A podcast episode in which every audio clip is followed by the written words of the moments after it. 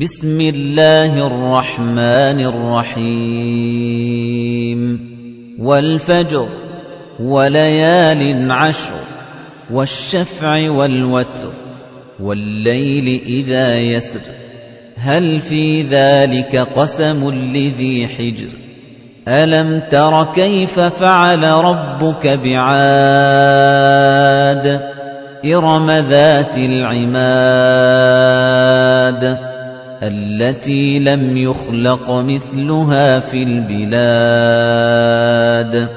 وَثَمُودَ الَّذِينَ جَابُوا الصَّخْرَ بِالْوَادِ.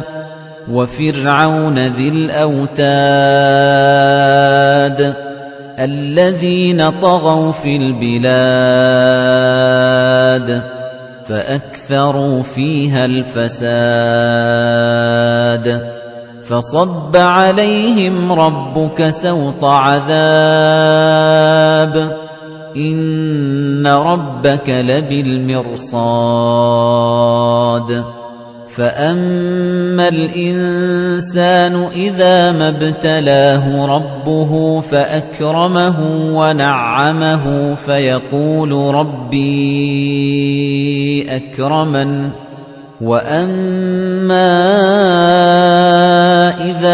ابْتَلَاهُ فَقَدَرَ عَلَيْهِ رِزْقَهُ فَيَقُولُ رَبِّي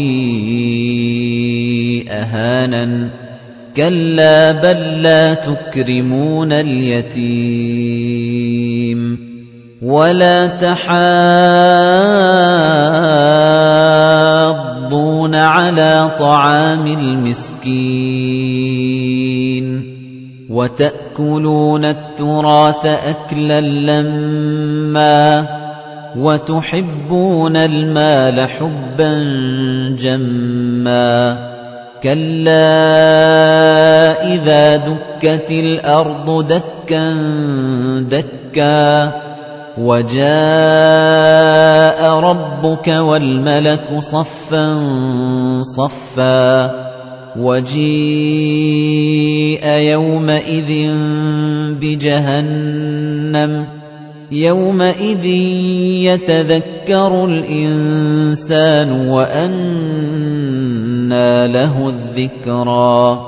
يَقُولُ يَا لَيْتَنِي قَدَّمْتُ لِحَيَاتِي فَيَوْمَئِذٍ لَّا يُعَذِّبُ عَذَابَهُ أَحَدٌ. وَلَا يُوثِقُ وَثَاقَهُ أَحَدٌ. يَا أَيَّتُهَا النَّفْسُ الْمُطْمَئِنَّةُ ارْجِعِي إِلَىٰ رَبِّكِ رَاضِيَةً مَّرْضِيَّةً فَادْخُلِي فِي عِبَادِي وَادْخُلِي جَنَّتِي.